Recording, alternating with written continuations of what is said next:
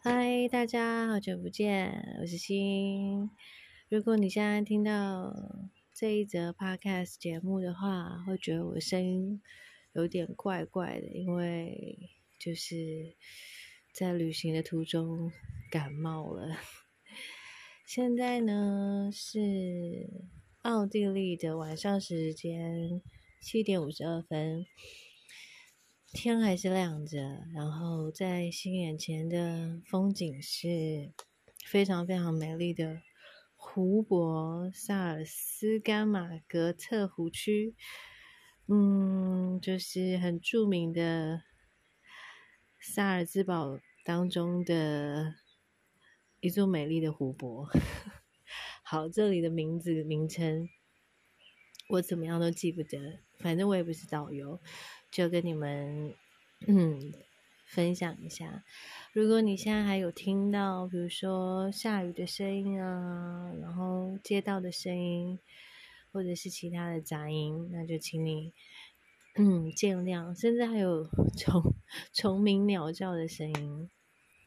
嗯，我在这里是奥地利嘛，今天已经是旅行的，不知道。第几天了？第七天了吧？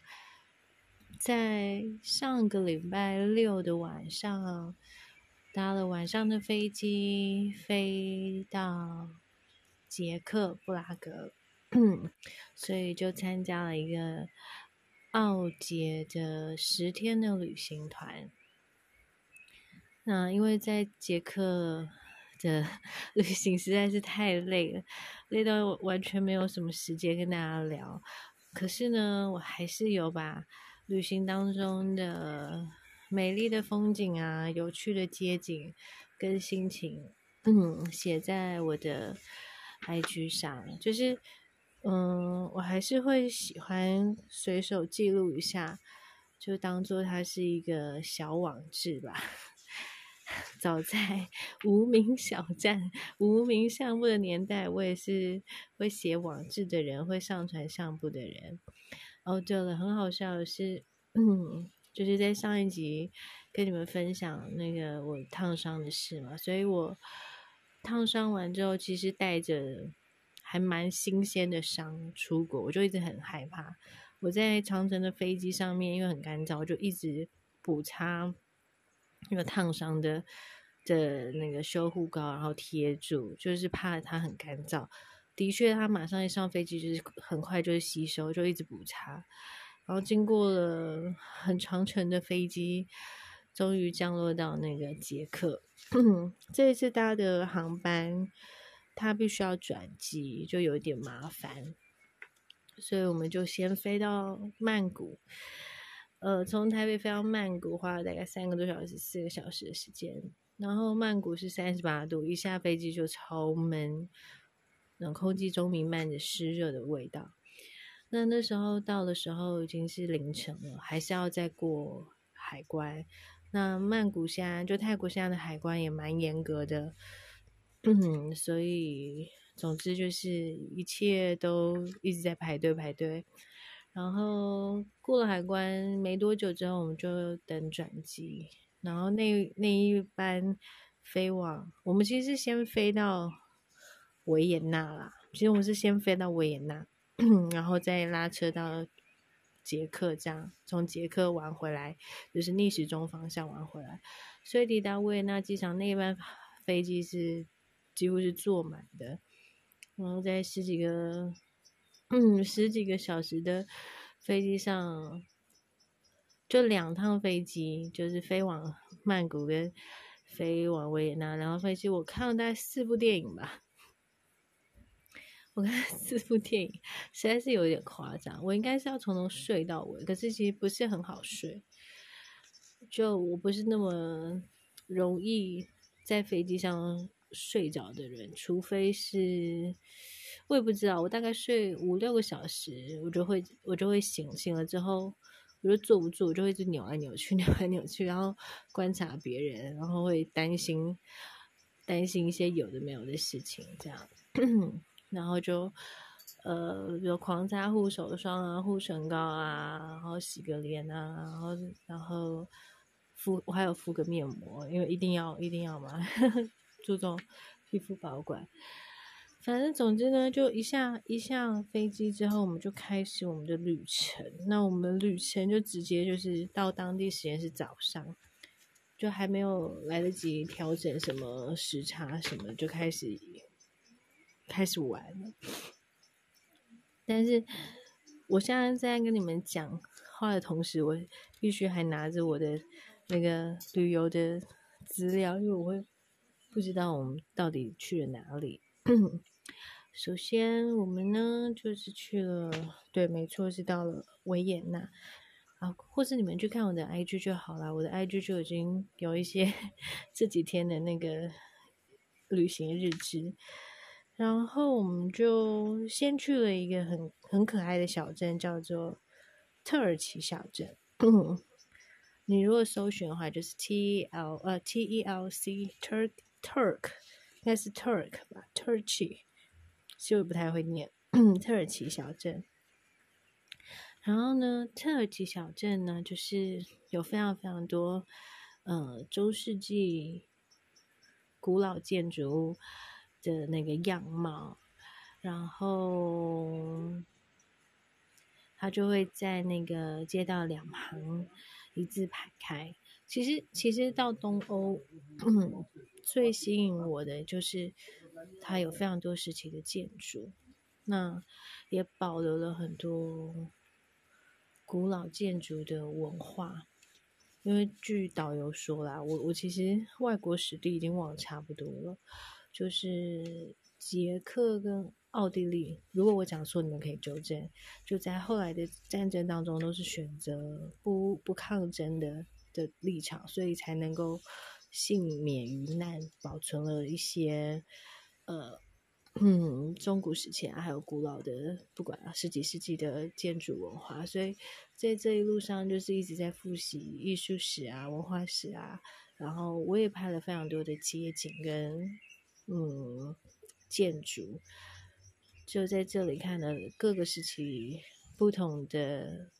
文化跟艺术的展现，特别是教堂，有非常多的教堂。呃，我是天主教徒，但没有那么虔诚。我我长大之后是比较宇宙观的人啦，所以但还是抱着一个敬仰的心去看待这一切。那好，回来到再来就后来就又拉车前往了布拉格。布拉格就开始看布拉格的景市景啊，还有非常非常美的圣维特大教堂，还有很有名的那个老城区的天文钟。那老城区的天文钟，我们在白天看过，晚上看过。其实我们在布拉格待了三个晚上，而且我们住的地方是老城区，就是非常靠近老城区的，嗯呃五星饭店。所以当我们自由时间的时候，就可以一直往返老城区走来走去。所以就大概在老城区逛了三个三三个晚上，几乎每个地方都走遍了，连查理大桥白天也走了，晚上也走了。我觉得虽然是跟团，但我们也有一部分是自由的时间，是可以去探险。那还有拿着车票去去找那个跳舞的房子，跟去坐缆车。觉得，嗯，这是我喜欢的旅游的方式，虽然不是完全的 自由行、自助旅行，其实懒得做功课啦，就是 也是可以。哦，不知道你们有没有听到教堂传来的钟声？八点了，现在时间晚上八点。那，嗯。反正就是在跟团的过程当中，有跟着导游啊，啊，跟着领队，我们参访了很多著名的景点，必须要去的地方，然后也有给我们呃不少的自由的时间。那我觉得没有特别去做资料，就不不太会有那种死观光客的心态。我反而觉得就是随便看到一家店就。进去去尝尝看啊，然后城市里面或是老城里面不同的风貌，都是都是很美的。如果真的想要看星星星眼睛中的捷克跟奥地利的话，你就可以去我的 Instagram 去看看我拍的拍的照片。但先说，我不是专业摄影师，就是随手拍的。哇，这个钟声越来越大声。嗯，现在时间就是。这这里的时间是四月二十八号礼拜五的晚上八点当中。好，那在不管在哪个地方旅行，都要记得注意有没有扒手。嗯，目前呢很幸运，我们的东西都保管的很好。嗯，只是我因为天气温差太大关系，开始有了比较明显的感冒症状。嗯，就因为这里的天气三到目前都是三到十度，呃，明天我们要前往维也纳，可能会到十九度，所以温差比较大。嗯，因此我。支气管比较敏感的就开始生病，但我常备药全部都带，然后全部都在吃。我就是早中晚睡前都在吃药，喝维他命锭片，然后吃吃那个维他命 C，就 照三餐四餐吃。好，其实这些行程大家去搜寻那个奥杰的旅行，一定有很多很多资料。我我真的觉得。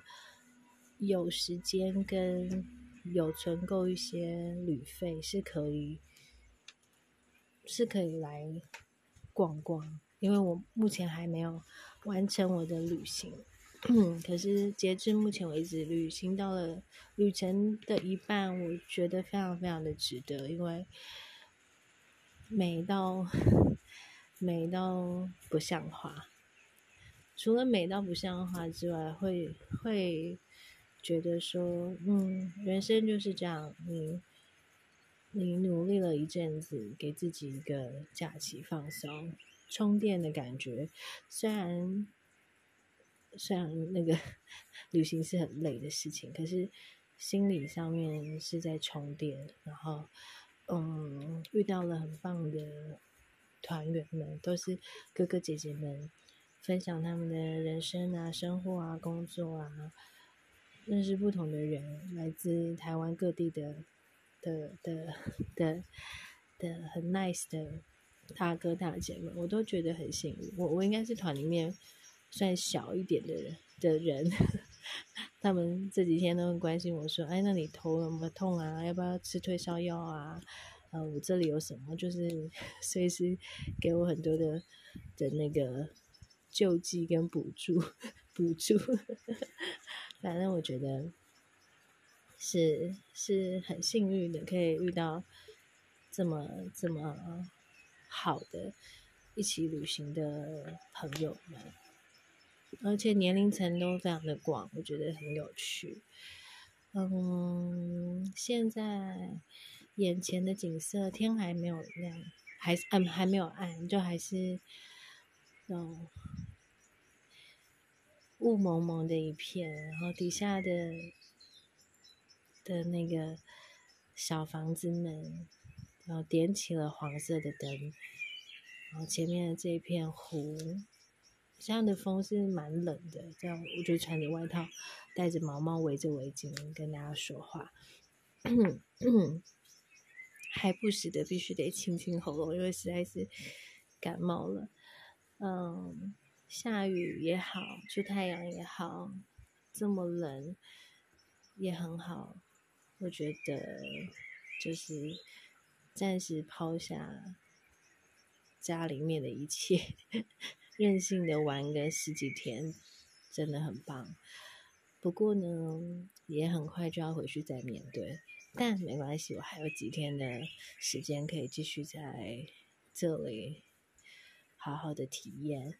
然后回去，我又会再出发去下一个地方，所以，嗯，我我给自己放了三周的假，就希望接下来的下一集 跟下一集也还是讲一下旅游的事情，但虽然我没有在讲什么啦，就是跟大家说说话。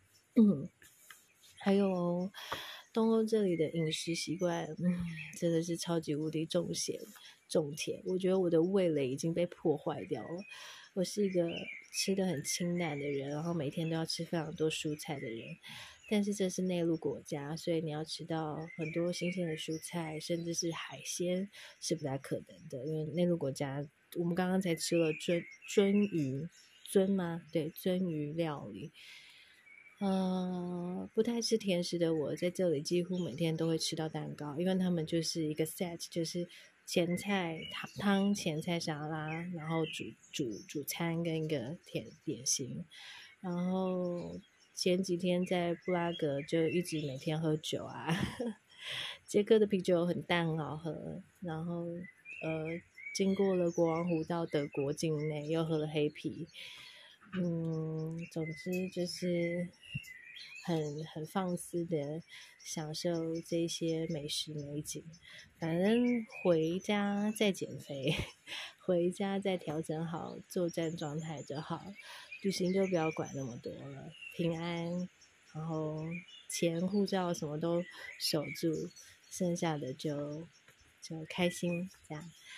好，我接下来要去哪呢？就是 明天要去维也纳，嗯，去去看看维也纳的不一样的风景。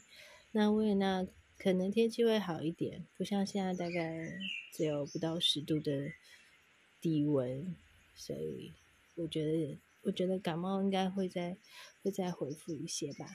嗯，好喽。因为我现在去找我的领队 导游去问一下那个机场退税怎么处理。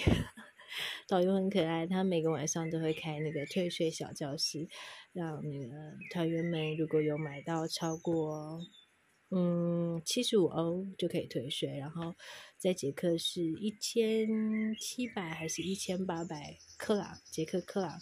就可以办退税，所以我现在要去找我的领队询问退税事宜喽。好，那希望大家都一切平安。嗯，谢谢你的收听，那下一集再见喽。我是星星，人现在在超级无敌美丽的奥地利，拜拜。